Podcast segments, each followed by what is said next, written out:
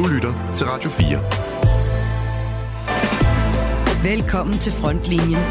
Din værter er Peter Ernst ved Rasmussen og Kasper Junge Vester. Den russiske politiker Alexei Navalny er død, meddelte de russiske fængselsmyndigheder i dag. Navalny er kendt som en markant og åbenmundet kritiker af Vladimir Putin, og han var, da han ifølge en talsmand for fængslet, døde efter en gåtur, fængslet netop for sine politiske aktiviteter. Sådan nød det fredag aften i TV-avisen på Danmarks Radio efter meddelelsen om, at Alexei Navalny's var død. Det er bare seneste kapitel i præsident Putins brutale undertrykkelse af dissidenter, og nyheden kom bedst som alverdens statsledere var ankommet til Sikkerhedskonferencen i München. Men hvem var Alexei Navalny, og hvilken betydning får hans død i Rusland? Det ser vi på i anden halvdel af programmet, hvor vi også stiller skarpt på putinismen som begreb. Men vi indleder med et emne, som vi har beskæftiget os med af flere omgange, og som jeg godt tør love, at vi kommer til at tale meget mere om i løbet af året. Vi skal nemlig igen i dag tale om, hvordan det står til i det danske forsvar. Det er blevet onsdag, klokken er lidt over frontlinjen. Velkommen indenfor. Du lytter til Frontlinjen på Radio 4. Vi har her på frontlinjen efterlyst nye stemmer i forsvarsdebatten, for forsvars- og sikkerhedspolitik er på trods af en øget opmærksomhed stadig lidt en klub for de indvidede. Vi trækker her på kanalen ofte på de samme kilder fra Forsvaret, Forsvarsakademiet, Folketinget, DIS og en håndfuld pensionerede officerer, når vi skal analysere, kommentere og debattere den seneste udvikling. Vi er glade for dem alle, og til jer, som stiller op, vil vi også meget gerne sige tak. Men uden at fornærme nogen, så er det ofte Tordenskjolds soldater. Så for at åbne op for debatten, har vi opfordret alle med viden og holdninger til at komme på banen. Vi vil gerne tale med jer, uanset om I har været geværskytter, flymekanikere, kampinformationsgaster, delingsfører, vognkommandører eller chefer for et kompani, en skader eller en eskadrille. Vores næste gæst blev indkaldt på præcis det samme indkaldelseshold som mig, fandt vi ud af, da vi talte sammen i går, til den kongelige livgarde i Høvelte den 4. marts 1991. Siden blev han sergeant ved Militærpolitiet, senere reserveofficer samme sted, inden han kom på Hærens officerskole. I nullerne var han med til at oprette den såkaldte KAK-uddannelse, Conduct After Capture, og der er han nok mest kendt i den brede offentlighed som gisselforhandleren Arthur i bogen om den danske fotograf Daniel Ryge, der i 13 måneder sad som gissel. I filmen med samme navn, der blev du spillet af Anders V. Bertelsen. Velkommen til, Jens Ove Serup. Tak skal du have. Øh, du er i dag partner i Guardian Security Risk Management og en af Danmarks, øh, vel sagtens verdens mest erfarne gisselforhandlere. Fortæl lige indlægsvis først, hvordan var det at se Anders V. Bertelsen spille dig selv i filmen om Daniel Ryge? Ja, det var, en, øh, det var jo en, en anderledes oplevelse. Det er jo sjældent, man ser sig selv portrætteret, i hvert fald når man er et almindeligt menneske. Og øh, jeg synes, han gjorde det godt. Øh, altså, det var høj pipføring, og det kan vi jo godt lide. Så... Til dem, der ikke ved, hvordan du ser ud, så øh, ryger du nemlig pibe har et øh, godt fuldskæg. Du minder lidt om min eks-svigerfar, kan jeg sige. Meget rolig og øh, en meget tillidsvækkende type. Det er et stort kompliment. Øh, normalt vil vi jo ringe til dig for at høre om dit daglige arbejde som gisselforhandlinger for, forhandler, og det har vi så ikke gjort i dag. I stedet har vi ringet, fordi du har en lang karriere i forsvaret bag dig. Du har stadig en rådighedskontrakt, du bruger den ikke så ofte, men du følger forsvaret tæt gennem dit arbejde. Jeg kunne godt tænke mig indledningsvis at spørge dig, hvad har forsvaret betydet for dig? Jamen, forsvaret har jo øh, været nok den institution eller den uddannelses øh, plads, som har, har betydet mest for mig øh, i dannelsen af mig selv som, som menneske, som, som leder, øh, som, som person i den her verden. Øh, og, og det er jo klart, at det i lige forlængelse af det intro, du også gav, altså mine 5-6 år med KAK, øh, var jo sådan set det, der katapultede mig over i den civile sikkerhedsverden, kan man sige. Og det er jo det, jeg i høj grad har, har, har, har båret videre ud, og, og i dag øh, jo lever af, og, og, at redde mennesker ud med, med, med den erfaring og den viden og den know-how, jeg har fået fra forsvaret.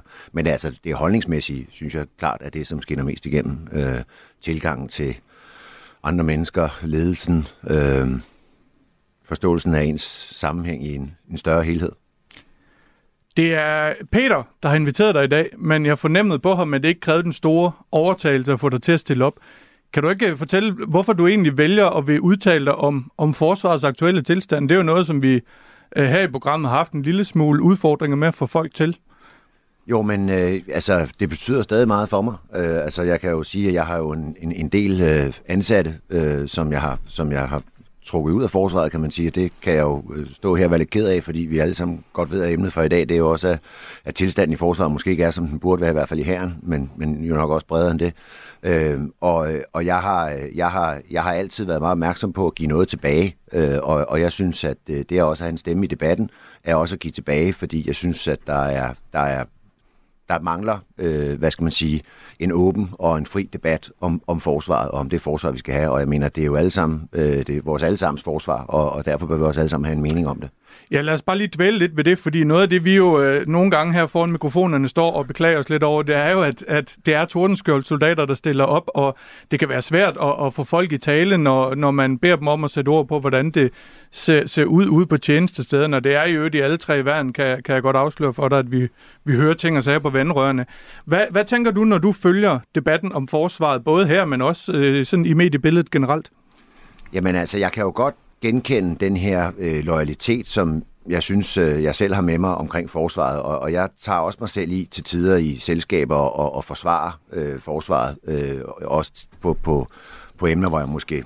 Altså, når, når, når jeg føler, at jeg, at jeg stiller mig over på den side, og, øh, og det skyldes jo, at, øh, at øh, igen, at den her, den her loyalitetsfølelse, og, der, og jeg tror rigtig meget, at den måske øh, manglende debat, der er fra særligt dem, der er tjenestegørende nu, det er, at man har den her meget stærke loyalitetsfølelse, som, som, som blokerer for, at man, at man tror, at ved at sige noget og have en mening om, om den hverdag, man har, eller det, man godt kan se ikke fungerer, at den, den, den blokerer for at gå ud og, og have en stemme i debatten. Og så en frygt, øh, begrundet eller ubegrundet for, at, øh, at, man, øh, at, man, at man ikke længere er i karrieren, hvis man, hvis man tillader sig at påpege nogle af de ting, der, der, er, der er problemer. Og hvad skal man gøre ved det? Altså jeg, jeg mener i høj grad, at man skal, man skal, man skal tillade den debat at være der. Og, og, og det gælder jo på, på alle niveauer. Øh, og, og, og som vi jo selv doserer i ledelses, øh, hvad skal man sige, øh, sammenhæng, så, så gælder det om, at der er nogen, der skal gå forrest. Øh, og jeg mener jo, at, øh, at forsvarsledelsen bør, bør om nogen gå ud og vise, at man godt kan have forskellige holdninger og meninger, og det ikke koster noget. Øh, tværtimod, øh, jeg tror alle, øh, høj som lav i det danske forsvar, vil gavne ved, at, øh, at man tog bladet fra munden og talte, talte ud af posen. Men det har de jo faktisk også sagt, at man skal. Altså både forsvarsminister øh, Truls Poulsen og forsvarschef øh, Flemming Lendfer har jo sådan set sagt, der er frit slag, udtal jeg bare, men alligevel så er det ligesom om, at øh, det er ikke rigtig blevet løbet i gang. Hvad tror du, det kan skyldes? Ja, så den anden grund kan jo måske være, at man er bange for, at, øh, at man udtaler sig om noget, man ikke ved noget om. Altså, at man, øh, man sidder, øh, det kan jo godt være, at man sidder i et kompani over i, i Varde, og, og der har man ikke helhedssynet, og derfor så udtaler man sig kun om noget, der snævert handler om ens egen lille felt. Og der har man så måske den holdning, at så, øh, så bliver det fejlfortolket, eller man er bange for, at så fremstår man uvidende.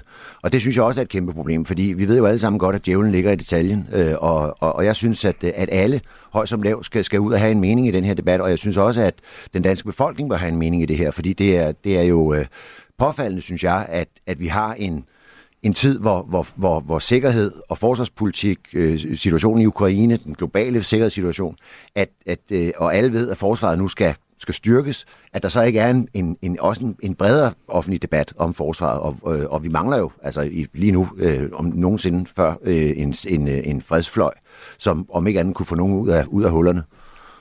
Det skal vi tale om lige om lidt. Jeg kunne godt tænke mig først lige at høre dig til en historie, der kom frem her for nylig, hvor øh, Trulsson Poulsen var til en forsvarsministermøde i NATO, og stolt kunne proklamerer, at nu lever Danmark op til NATO's målsætning om at bruge minimum 2% på forsvar. Det ved du ret kritisk overfor. Hvorfor?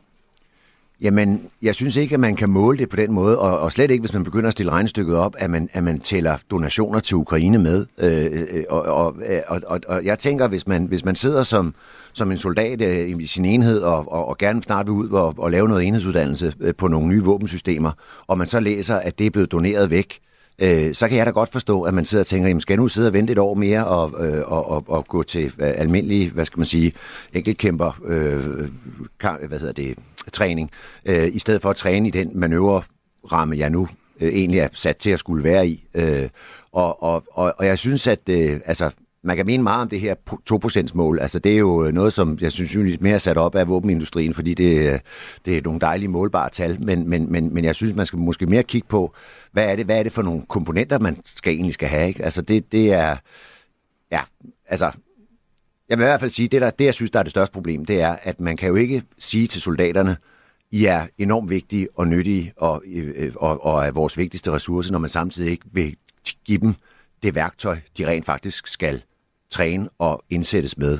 Og så sige, at det har vi så afleveret over øst på, Hvor, hvor god en årsag det så end er. Men, men, men det, det, det, det står jo bare i skærende kontrast til, at man render rundt derude og ikke har det grej, man egentlig skal have. Og det kan vi jo se i dagspressen hver dag. Jeg kan jo bare lige tilføje, at, at vi i sidste uge, øh, vi har talt med Henrik Lyne, øh, næstkommanderende i Herrekommandoen, som jo i tale satte en lang række øh, materiel mangler i hæren, og, og vi har netop fået svar fra Forsvarskommandoen, som åbenbart øh, udtaler sig om, om materiel nu, og de siger jo netop, at det er fordi, det simpelthen er doneret til Ukraine. Øh, kan du ikke have en forståelse for, at, at, at det er tilfældet, og at der er en eller anden midlertidig øh, øh, periode her, hvor, hvor, øh, hvor herren lige må, må vente på? Jo, det kan jeg godt, og, og der er heller ikke nogen tvivl om, at, øh, at krigen i Ukraine er, er vanvittigt vigtig for vores egen sikkerhed. Øh, men, men, men, men, men vi bliver nok også nødt til at se på, at, at hvis, det, hvis det er der, vi så sætter al vores... Altså så udliciterer vi jo i virkeligheden vores egen sikkerhed. Og, og, og, og, og, og vi, vi, vi er jo blevet enige om, at vi skal have et styrket forsvar. Og, og lige nu har jeg svært ved at se, at vi styrker forsvaret ved at aflevere tingene over øst på, på frontlinjen, men neglekter vores eget forsvar herhjemme det, det, det giver i min forstand ikke nogen mening. Kan man trække den så langt og sige, at det er en hån mod soldaterne, når man siger lige pludselig, at vi opfylder NATO's målsætning om 2%, fordi vi donerer så meget, vi gør til Ukraine, og så samtidig ikke har leveret noget som helst til soldaterne ude i den skarpe ende endnu? Det synes jeg godt, man kan. Altså, jeg kan godt forstå, at man som dansk soldat overvejer, om det er en karriere, man vil have. Fordi der ligger jo noget signalgivning i, hvor vigtig man så i virkeligheden er. Og en ting er bragesnak øh, på de bonede gulve, noget andet er jo virkeligheden, som de mennesker står i, der er derude. Og, øh, og der mener jeg, at, øh, at øh, sådan som personelsituationen er nu, der, der bør man i højere grad, eller måske i al væsentlig grad, kigge på personelsituationen. Du nævnte det her med, at der ikke er nogen opposition til forsvarspolitikken i dag, hvor vi i vores ungdom var vant til, at det var delt 50-50 i Folketinget, øh, med hvorvidt man øh, egentlig synes, at forsvaret øh, skulle styrkes eller ej. Hvad betyder det for debatten, at der faktisk er total konsensus om, at nu skal forsvaret styrkes? Jamen, det, det, jeg synes, det betyder, at der, der, mangler, noget, der mangler noget engagement, øh, og, og, og at, øh, at vores... Øh, altså i, igen tilbage til 80'erne, 90'erne og hele brydningstiden omkring murens fald, der var der jo en, en, en en meget holdningspræget diskussion om, hvorvidt at forsvaret NATO... Øh, øh, overhovedet var noget, vi skulle bruge penge på, og hvis vi så skulle, skulle det være et ekspeditionsforsvar, eller skulle det være et territorialforsvar, og alle de der ting.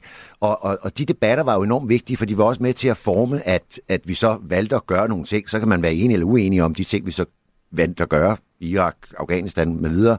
Men, men, men der var en debat, og der var en debat, fordi at begge parter skulle jo ligesom finde nogle argumenter, og vi ved jo alle sammen godt, at gode ting kommer sjældent frem af en flok øh, rygklapper, men det kommer tit frem af, at der er noget dynamik og noget, og noget diskussion, hvor man, hvor man tager fat i hinanden. Ikke?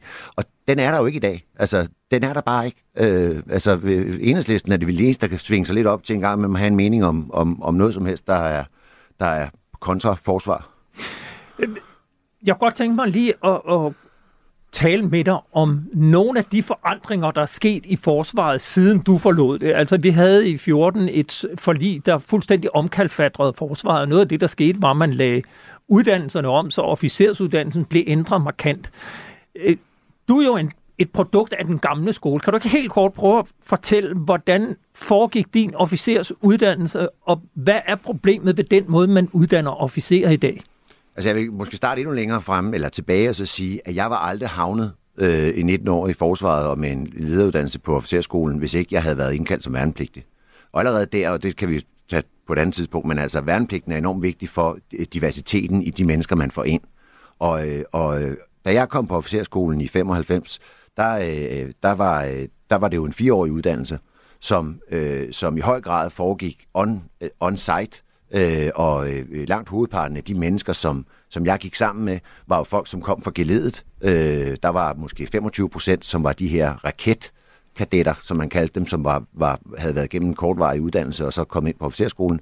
Langt hovedparten, 75 procent, var øh, ret erfarne folk fra, fra tjeneste i geledet, Enten fuld værnepligt, haft en befalingsmandsuddannelse eller en, øh, hvad hedder det, en reserveofficersuddannelse. Og det betød også bare, at det faglige niveau og, og holdningen til det at være soldat var meget prævalent i, på officerskolen, og, og, og var meget med til at, at, at danne os som, som ledere, og, og give en stolthed for, for det fag, vi nu skulle ud og virke i. Øh, det var også langt sværere at komme ind, øh, og, og, og det betød også, at, øh, at man var meget ærkær omkring det, at man havde fået en plads på officerskolen. Og jeg hvor, kan... hvor svært? Ej, det var, det var, det var ret svært, ikke? Altså, jeg, jeg kan sgu ikke huske, hvordan det var, men altså, der var en del, der blev sorteret fra, og jeg måtte også selv søge to omgang, øh, og jeg synes selv, jeg var ret god. og så bare lige for at tage sagsløse lytter i hånden. Ja. Hvad er det så, der er sket i dag? Hvordan ser det ud i dag? Jamen det, der er sket i dag, det er, at man valgte jo at, at, at, skulle tilpasse øh, forsvarets uddannelser, sådan så de var mere aligned med, som jeg forstår det, de civile uddannelser. Og det vil sige, at man, man vil lave noget, som var mere, som man kunne blive merit overført. Og det, man har gjort i dag, det er, at man har kortet øh, øh, officersuddannelsen meget, meget kraftigt ned. Jeg tror, den er nede på, er det to og et halvt år nu, eller sådan noget. Øh, og det er jo en merit, øh, altså det vil sige, at man, skal, man kan komme direkte ind, hvis man har haft en, en, en civil, øh, hvad hedder det, en bachelor. En bachelor. Øh, og, øh, og, og, og de nærmere detaljer omkring det er jeg ikke så meget inde i, men det jeg kan se, og, og det kan jeg se, fordi jeg også har fået en del af dem her ud, som har været relativt kort tid inden, fået deres officersuddannelse, og så er de kommet ud og arbejder nu, for eksempel for mig, eller for os. Og, og, og, og det var utænkeligt for os dengang, fordi der var vi, der var vi blevet, altså bare det, at vi var fire år på den her skole, øh, og så yderligere to år på VUD for den sags skyld. Var også, videreuddannelse. Videreuddannelse, ikke? Der, der, der, der, var, der blev man, altså selvfølgelig kan du sige indoktrineret, men altså det var, det var, det, der var man i det for meget længere tid.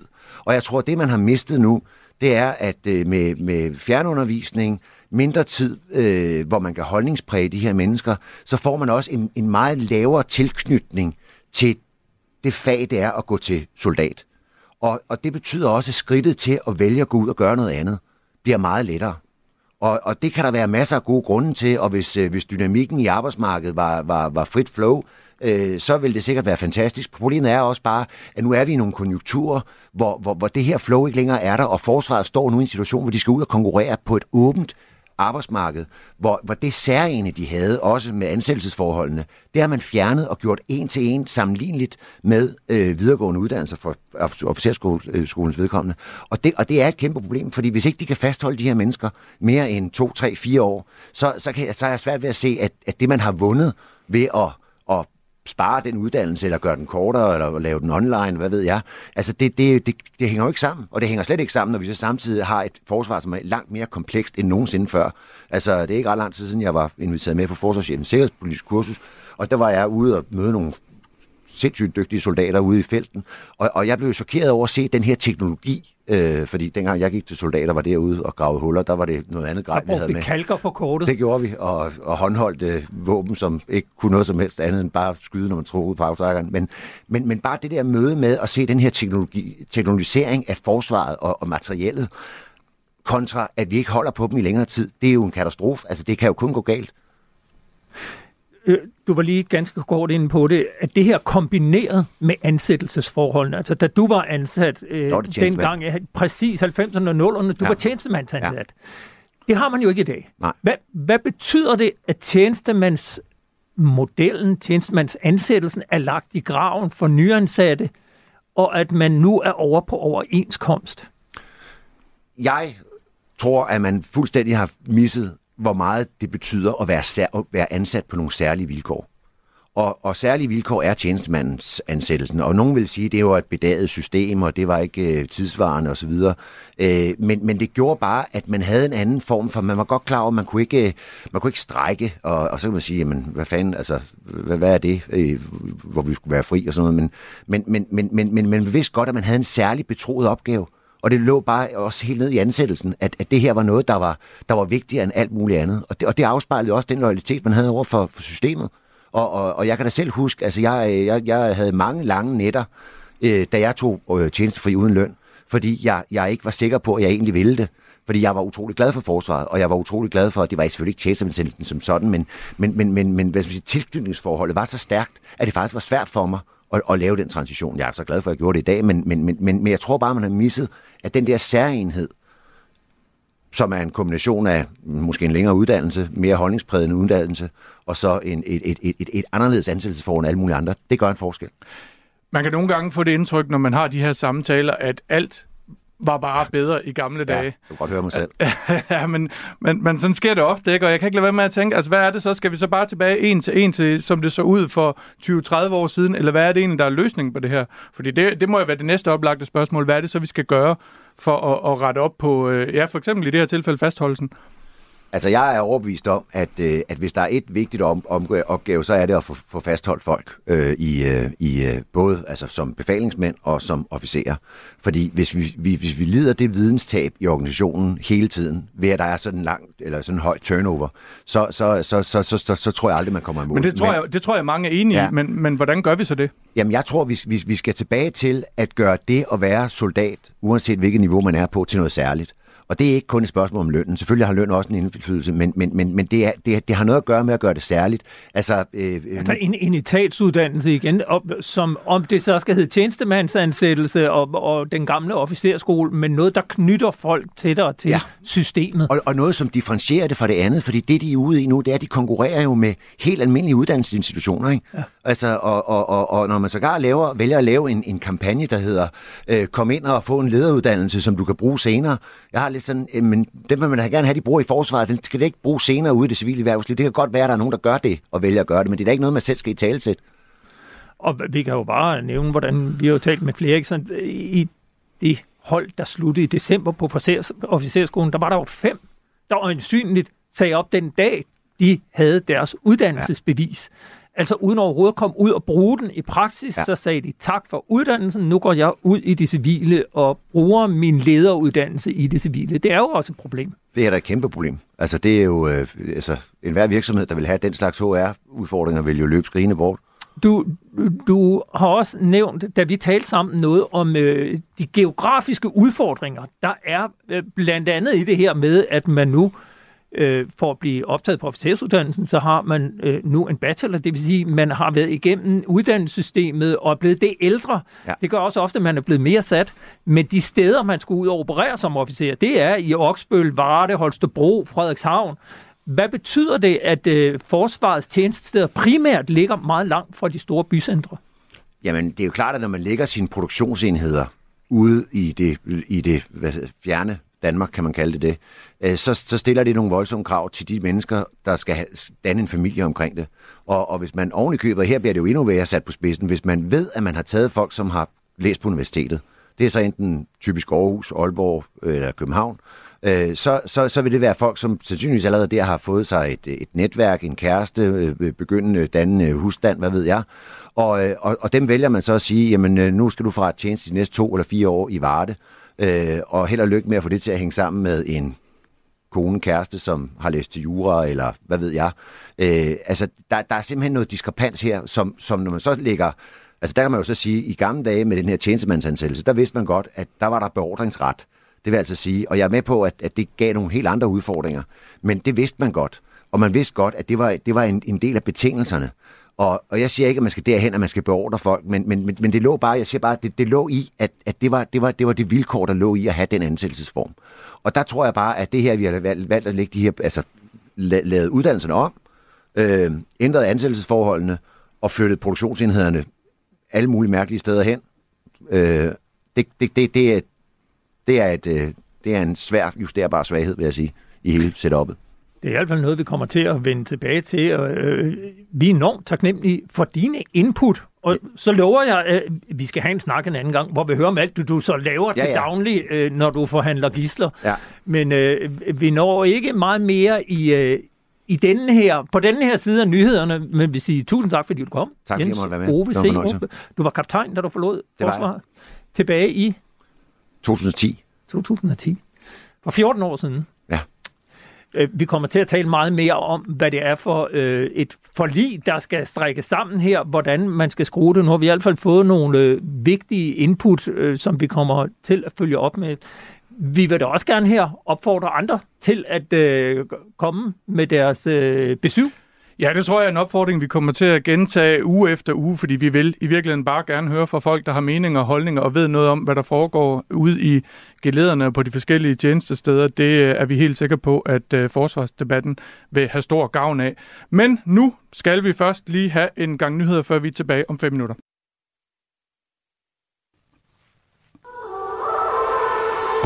Du lytter til Radio 4. Velkommen til Frontlinjen. Din værter er Peter Ernst ved Rasmussen og Kasper Junge Vester. Ja, vi er tilbage øh, og har sendt øh, Jens Ove Serup hjem, og nu skal vi kigge mod øh, Rusland. Vi talte slet ikke i sidste uge om de store begivenheder, der foregik der, og det er fortsat. Først var der det her interview med Tucker Carlson, siden så øh, meldte Donald Trump ud, at øh, Rusland bare kunne angribe NATO-landet, der ikke brugte 2%. Og siden er der så sket yderligere for i sidste uge, der døde Ja, de seneste, da- ja, de seneste dage har det meget naturligt handlet om den russiske oppositionspolitiker Alexei Navalny's pludselige død i et fængsel i Sibirien. Nu har vi dig med på en øh, forbindelse, Katrine Stævnhøj. Øh, velkommen til. Tak skal du have. Du er Ph.D.-stipendiat på Institut for Tværkulturelle Studier på Københavns Universitet, hvor du blandt andet forsker i russiske og belarusiske oppositionsbevægelser. Lad os lige starte. I dine øjne, hvor stor er sandsynligheden for, at Navalny døde af naturlige årsager? Oh, det, er jo, det bliver jo spekulativt, hvis jeg sådan skal gætte det, men det man jo hører fra oppositionens side, og det som også bliver gentaget af vestlige øh, ledere, det er, at uanset hvad der skete inde i det fængsel, så sad han der på politisk motiveret domme, øhm, og på den måde var det på en eller anden måde Kreml, der står til ansvar for det, uanset om, ja, om det var hans helbred eller noget mere øh, radikalt, der skete. Det virker til, at de fleste vestlige jagttagere, i hvert fald hvad, hvad jeg sådan har kunne se i, i medierne, mener, at han er øh, blevet myrdet Navalny. Hvis vi, hvis vi lige øh, går med på den præmis, så kan jeg ikke lade være med at tænke, hvorfor, hvorfor lige nu? Altså, han, man havde jo kontrol over ham, han sad i et fængsel. Hvorfor var det Navalny, han øh, kom af dage lige nu? Altså igen er det umuligt for os at vide præcis, hvad der er sket. Og når man kigger på det sådan udefra i forhold til, hvad der vil være taktisk smart fra Kremls side, så er der både fordele og ulemper ved det her tidspunkt. Vi står op til et russisk præsidentvalg i marts, i midten af marts, øhm, og der hersker jo ikke nogen sådan tvivl om, hvem der kommer til at indtage præsidentembedet igen. Det bliver Vladimir Putin, medmindre der skulle ske et eller andet helt øh, uforudset. Alligevel så har Navalny, selvom han har siddet i fængsel, øh, spillet en irriterende rolle for Kreml i forbindelse med det her valg. Han og øh, måske primært egentlig hans team, som sidder i eksil, de har faktisk lykkes med at lave nogle sådan kampagner, der omhandler valget, opfordrer folk til at gå på gaden på valgdagen, tage en, bestemt farve trøje på, når de går ned og stemmer, stemme på et bestemt klokkeslæt, og stemme på de kandidater, der trods alt øh, altså, er, er mest problematiske for forenet Rusland, selvom at der ikke rigtig er sådan nogen. På den anden side kan man sige, at at skille sig af med Navalny på det her tidspunkt, det skaber også en risiko for noget polemik omkring hans person, altså en risiko for, at folk går på gaden, og at fokus kommer til at være på, på hans personage. Så jeg synes, det, det er svært at sige, altså ja, hvorfor nu, hvorfor ikke nu. Men det, man sådan kan sige om det her tidspunkt, eller om Navalny's død, det er, at det nok er endnu et af de her sådan øh, epokegørende vendepunkter, eller en del af den her, det her vendepunkt i russisk politisk liv, hvor Rusland bare er mere og mere autoritært og lytter mere, mindre og mindre til de fordømmelser, der kommer fra vestens side. Øh, Du nævnte hans personage. Jeg kunne godt fristes til at spørge, kan du ikke sådan helt kort fortælle, hvem var Alexei Navalny? Jo, altså han var en, øh, man kan kalde ham en oppositionsfigur, fordi jo, han var politiker, men han fik ikke rigtig lov til at stille op inden for det politiske system. Han har været på den politiske scene i Rusland siden omkring år 2000, været del af nogle forskellige oppositionspartier, blandt andet Jablaka, som er sådan en traditionsrigt oppositionsparti. Øhm, så har han også øh, været, og det er måske det, han er mest kendt for, været en form for øh, sådan antikorruptionsaktivist, der har været en af de første i Rusland til virkelig at gøre brug af, af sociale medier som en kommunikationsform til at nå russere øh, øh, på andre måder end igennem sådan de traditionelle medieformer, som primært er, er fjernsyn i Rusland. Øhm, og det er noget af det, der har gjort ham meget populær. Det har været, han har, han har taget det her fokus på, på korruption, som er noget, som som russere på tværs af politiske skæld har kunne forholde sig til. Øhm, altså urimeligheden i, at magthaverne rager til sig. Øh, når, når vi taler om Navalny, taler vi tit om ham som en sådan samlende figur og et ansigt på oppositionen, men samtidig har han også været en, en ganske kontroversiel oppositionsskikkelse, ikke mindst i lyset af krigen i Ukraine lige nu, netop fordi at han ikke tog ensidigt afstand til annekteringen af Krim i 2014, noget han har øh, gjort øh, sidenhen, men han har så alligevel været sådan en kontroversiel figur, også med nogle sådan lidt udprægede nationalistiske holdninger. Øhm, ja, så han har ikke været entydigt samlende, men det, det blev han her øh, til sidst i sin sidste leveår. Han blev forsøgt myrdet i, i 2020 med, med Novichok, øh, overlevede, øh, vendte så øh, efter endt behandling i Tyskland tilbage til, til Rusland, hvor han blev sat i fængsel. Der har han siddet øh, ganske længe. Hvorfor var han stadig farlig for Vladimir Putin, når han sad i fængsel? Hvorfor var han stadigvæk en sten i skoen på, på øh, Putins regime? Fordi han repræsenterede et, øh, et håb om et andet Rusland, som der var mange, der troede på. Altså netop det, at han tog tilbage til Rusland og ikke valgte at sidde i eksil, derfra tog han Kreml muligheden for at diskreditere ham som værende en øh, vestlig øh, styret eksilpolitiker, ikke? som ikke havde øh, berøring med det russiske samfund. Øhm, så han kunne ikke sådan reelt gøre så meget selv fra fængslet, men han kunne være med til at indgyde en, en form for, øh, for håb øh, blandt øh, hans støtter. Så på den måde har han, altså det er ikke ham, der har været farlig, men hans idéer har, har været farlige for Kreml. Og hvad, lige her til allersidst, hvad gør det ved, ved støtterne nu, at han er væk? Altså hvad gør det for bevægelsen? Selv siger øh, Navalny, Julia Navalny og hans team, at håbet lever videre. Når jeg taler med altså dem, hans, jeg kender, hans de russere... Ja, ja, hans kone, ja. ja. De, de, de vil jo gerne have, have, at hans idéer lever videre og bevare håbet, ikke? Men, men, men dem, jeg sådan taler med eller har hørt øh, siden øh, hans død sidste uge, der er en udpræget håbløshed og sorg over øh, tabet af ham. Således blev vi en lille smule klogere på den seneste udvikling øh, efter Navalny's død, om det så er et mor eller af naturlige årsager, det står ikke helt klart endnu. Jeg vil sige øh, tak til dig, Katrine Stævnhøj, øh, for at være med. Det var så lidt. Du lytter til Frontlinjen på Radio 4. Vi bliver i det russiske, og nu kan vi byde velkommen til uh, Mette Skak, lektor emerita ved Aarhus Universitet, hvor du i en årrække har beskæftiget dig med Rusland og blandt andet har forsket i, hvad Ruslands angrebskrig mod Ukraine fortæller om Ruslands strategiske kultur. Du har også dykket ned i det, vi i dag kender som putinismen. Velkommen til dig. Tak skal du have. Mette Skak, øh, hvis vi igen, øh, vi ved ikke præcis, hvad der er sket med Navalny, men, men de fleste lader til at tro, at han er blevet myrdet af, af, af Putin og af styret i Kreml. Øh, vi har set en lang række attentater og mord på politiske modstandere i de, de forgangne år. Hvordan kan Vladimir Putin blive ved med at slippe afsted med at dræbe sine politiske modstandere sådan her? Jamen, det er øh, på mange måder paradoxalt, fordi øh, den store russiske forfatter Dostojevski skrev jo bogen øh, Forbrydelse og straf, og der er jo mange, der siger, at det, der i virkeligheden kendetegner Rusland, i særdeleshed Putins Rusland, det er, at der er frygtelig mange forbrydelser, og stort set ingen, der bliver straffet for dem. Og øh, man bruger faktisk fra forskerside det begreb, øh, som lyder lidt suspekt, men øh, mafiastat, altså en øh, mafiastat, om øh, den type politisk system, som Putin har skabt.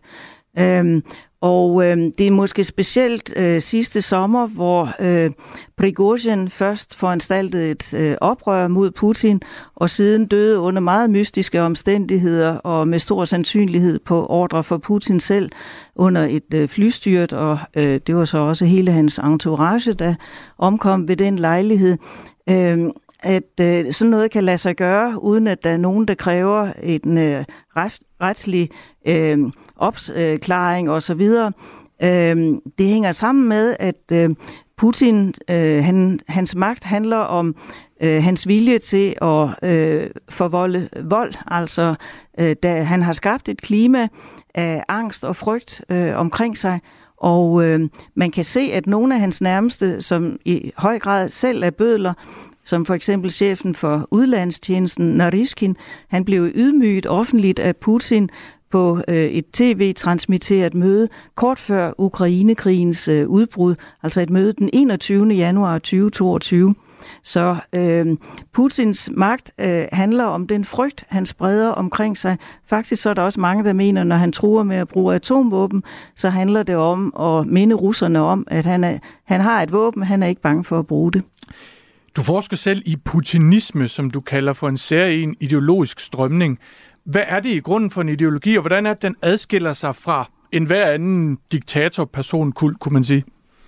Jo, øh, det er selvfølgelig øh, putinisme. Øh, øh, det er et begreb, der er opfundet øh, for netop at understrege, at øh, det er sådan en meget øh, skræddersyet og øh, hjemmestrikket ideologi. Øh, det handler overhovedet ikke om videnskabelighed, og øh, det handler øh, på ingen måde om marxisme og leninisme, som var kendetegnet ved, at øh, ideologerne de skrev bind stærke værker, som folk så skulle gnave sig møjsommeligt igennem. Øh, putinismen øh, lever højt på postmoderne, altså vortids teknologier, øh, tv-mediet, øh, der opbygger en fortælling om, at øh, Vesten er fjendtlig og ude på at få Rusland ned med nakken. Rusland står for noget autentisk, noget særligt ophøjet åndeligt, og samtidig så er den russiske virkelighed den her mafiastat.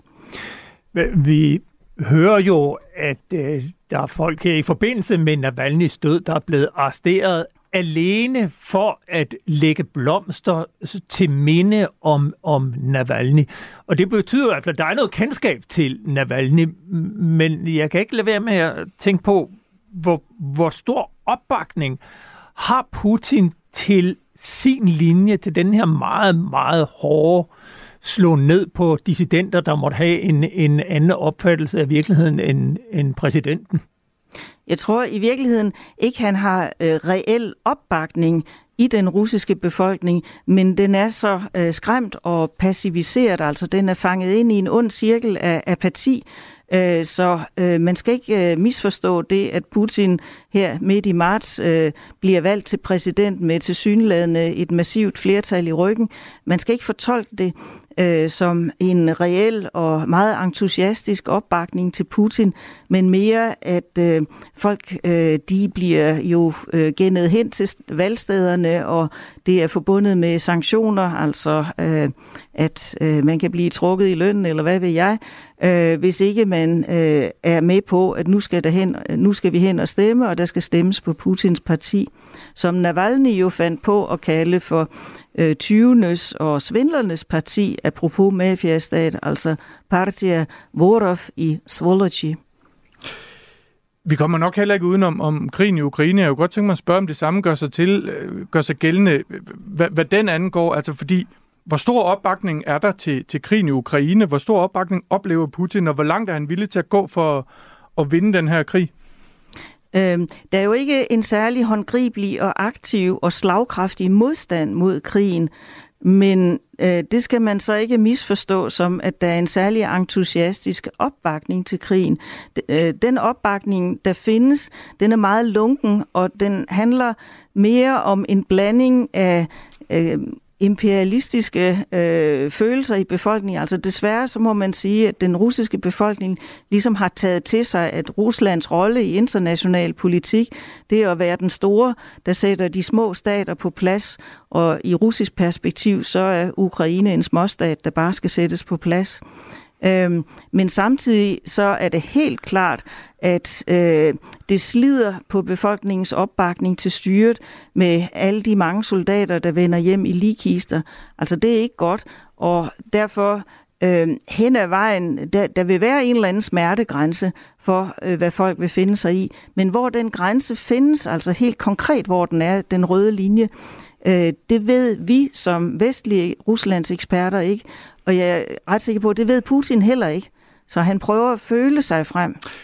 Jeg, skal, jeg, jeg skulle faktisk lige til, nu har vi fat i, i, i en forsker, jeg kunne godt tænke mig lige at flette et metodespørgsmål ind, fordi hvordan måler man egentlig det, når man sidder og betragter Vesten udefra, eller undskyld, Rusland udefra, hvordan måler man eller afgør man, hvor øh, den russiske befolkning står på alle de her spørgsmål, vi, vi taler om nu?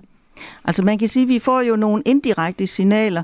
For eksempel, at det blev nødvendigt at lade Prigozhin værve øh, soldater ved at gå ud i de russiske fængsler og love dem guld og grønne skove, altså en fri straffeattest, hvis bare de meldte sig til fronten. Øh, her forleden, der læste jeg, at øh, nu begynder man også i de russiske kvindefængsler og øh, love de kvindelige indsatte de samme gyldne vilkår. Øh, det, man konkret tilbyder dem, det er en uddannelse som snigskytter og øh, i det hele taget øh, en eller anden form for militær øh, øh, crashkursus. Øh, og det, der ligger i luften, det er jo, at øh, de bliver øh, brugt som kanonføde på akkurat samme måde som alle andre russiske menige soldater. Vi har jo her på det seneste hørt, at øh, den ukrainske her er trukket fra, fra Avdivka. Nu kan jeg ikke, jeg siger det nok forkert, men, men jo, jo, at, det er at, rigtigt med at, øh, vokal. at, at, at øh, Rusland i hvert fald øh, har øh, momentum på, på slagmarken. Hvordan bliver øh, krigen i Ukraine og den aktuelle situation fremstillet i Rusland?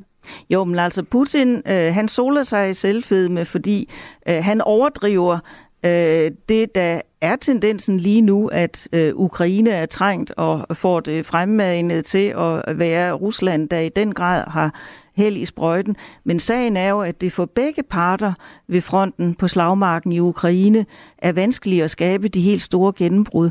Øh, Eksperterne vurderer, at okay, øh, så øh, opgav ukrainerne Avdiivka i lørdags, men det er langt fra givet, at øh, det vil sætte russerne i stand til at lave nogle nævneværdige gennembrud.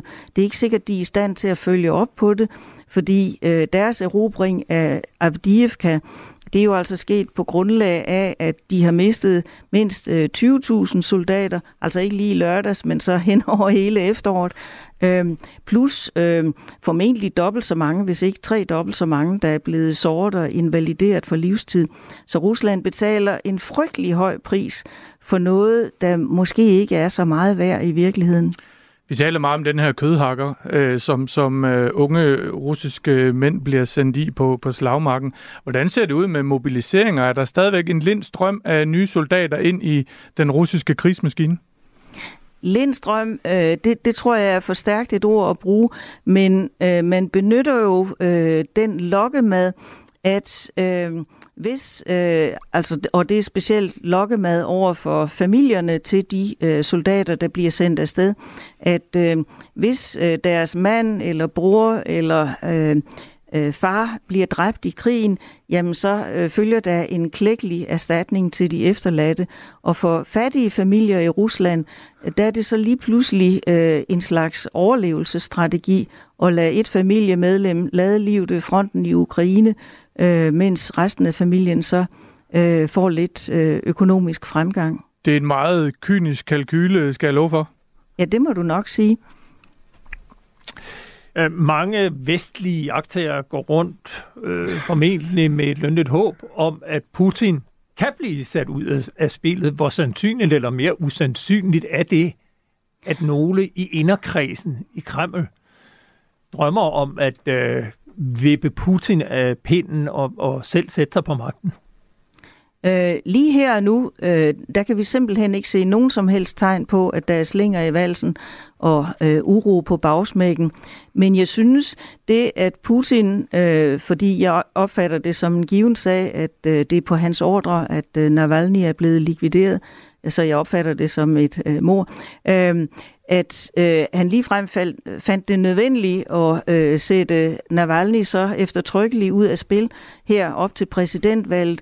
Det synes jeg siger noget om, at Putin øh, på trods af, øh, at han skryder og øh, feder sig, øh, alligevel øh, er lidt usikker øh, på sig selv. Hvor, hvor sikker er han egentlig? Og han omgiver sig jo med ja-siger, så der er jo ikke nogen, der nødvendigvis vil, vil sige til ham, øh, du skal lige passe på her, eller fordi øh, de, de snakker ham jo efter munden, og øh, det er jo tit det, der er diktatorers største svaghed. Ja, altså hvem er alle de her yes-men, han omgiver sig med i Kreml? Det er jo altså i særdeleshed folkene fra efterretningstjenesterne, Øh, så er det jo også øh, forsvarsministeren, så er der også nogle gamle venner, øh, sådan nogle mere øh, ideologiske hardliners, der samtidig efter sine lever et øh, meget øh, luksuriøst og øh, nydelsesbetonet liv. Øh, Kavalchuk, øh, tvillingerne. Øh, så øh, det er sådan nogle øh, mærkelige, stærkt højorienterede folk og, og stærkt øh, krigsliderlige folk, øh, men også folk, som øh, tit har en temmelig, øh, hvad skal vi sige, fantastisk opfattelse af virkeligheden, og på den måde øh, måske i virkeligheden øh, overdriver og underdriver tingene så meget, så øh, Putin ikke har et særligt klart billede af, hvad der egentlig foregår omkring ham, og hvad han i virkeligheden skal passe på.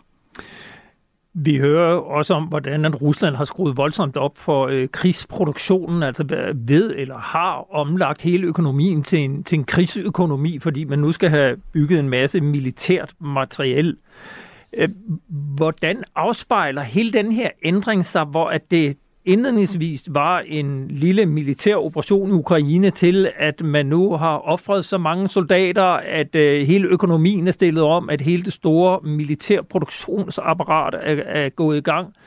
Øh, hvor, hvordan oplever russerne det på deres daglige økonomi?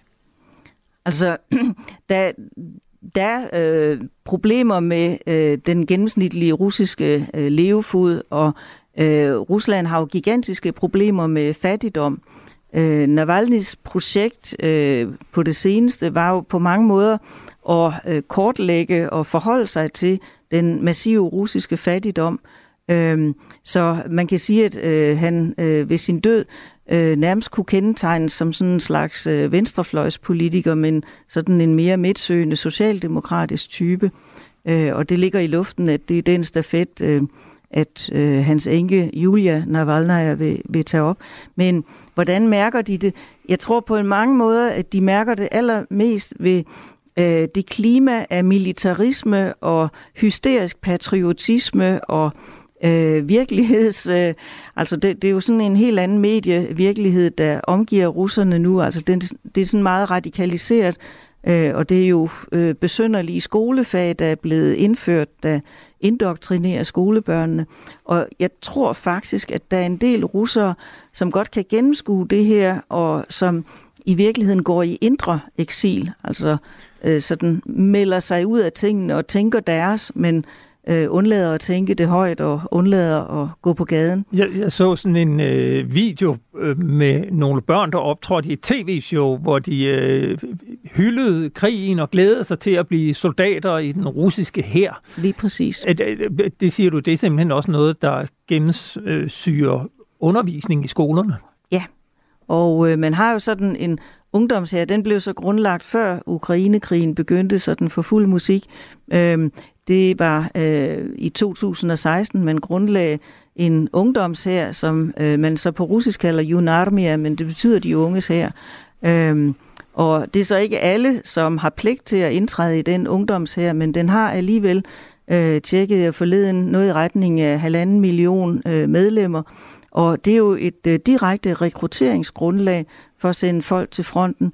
Og Putins retorik handler også tydeligvis om, at folk de skal jo ikke hænge ved livet. Altså, det, det der er vigtigt, det er at, at dø en ærefuld død, underforstået ved fronten i Ukraine.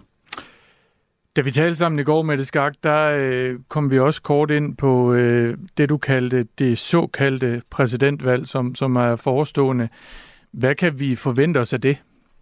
Altså det ligger jo helt klart øh, sådan, at øh, Putin vil vinde øh, præsident, genvinde øh, præsidentposten. Det er der ingen tvivl om. Øh, det kan blive lidt interessant om øh, Navalny's opfordring til at møde op og stemme øh, præcis kl. 12 den 17. marts, og så stemme på nogle andre. Altså der er jo øh, lidt kommunistiske kandidater og, og lidt øh, tandløse, vil vi sige, men, men altså ikke Putin øh, håndplukkede kandidater, der øh, allernådigst får lov til at stille op. Og øh, det kan jo sådan øh, give en strømpil, et, et fingerpeg om, at øh, alt ikke sådan går helt som øh, præsten, altså Putin prædiker i Rusland. Men, men det er et åbent spørgsmål. Ligesådan om, øh, der var jo en anden øh, kvindelig præsidentkandidat, der meldte sit øh, kandidatur, øh, Dantsova, øh, Duntsova, øh, hun har jo også opfordret til, at den 2. marts, øh, der skal der være en mindehøjtidlighed eller en mindedemonstration i Moskva. Det har hun øh, ansøgt myndighederne om lov til at øh, afholde, altså en mindedemonstration for Navalny. Øh, og øh, altså jeg tipper helt klart, at de vil finde på et eller andet øh, byråkratisk benspænd, der gør, at øh, det får hun ikke lov til at afholde. Men altså, øh, det siger lidt om, at øh, Navalny's død på en måde holder gryden lidt i krog, kog, samtidig med, at udfaldet af præsidentvalg, det er simpelthen givet på forhånd. Ja, det bliver øh, spændende at følge med i, hvad jeg lige vil sige. Det gør det så måske øh, slet ikke. Jeg vil sige tak til dig, Mette Skak, øh, lektor emerita ved Aarhus Universitet, for at være med. Det var en fornøjelse. Vi når ikke mere i denne udgave af Frontlinjen, som blev produceret af Olfi for Radio 4. Mit navn er Peter Ernst ved Rasmussen. Og jeg hedder Kasper Junge Vester. Og nu hørte vi jo så øh, Jens Ove Serup være med, og uden at der var noget andet aktuelt end at tale forsvar, og vi vil gerne opfordre igen til alle jer, der sidder derude, som har holdninger og idéer til, hvordan vi kan redde forsvaret, kom endelig på banen. Og man behøver altså ikke at frygte, at man nødvendigvis skal i radioen. Man kan også bare rette henvendelse til os med gode tip eller baggrundssnak, hvis der er noget, vi skal vide. Husk, at du kan lytte med øh, næste onsdag kl. 9.05 her på Radio 4. Du kan også øh, skrive til os med ris og ros på frontlinjen radio4.dk. For nu vil vi bare sige tak for denne gang og på genhør i næste uge. Du har lyttet til en podcast fra Radio 4. Find flere episoder i vores app, eller der, hvor du lytter til podcast.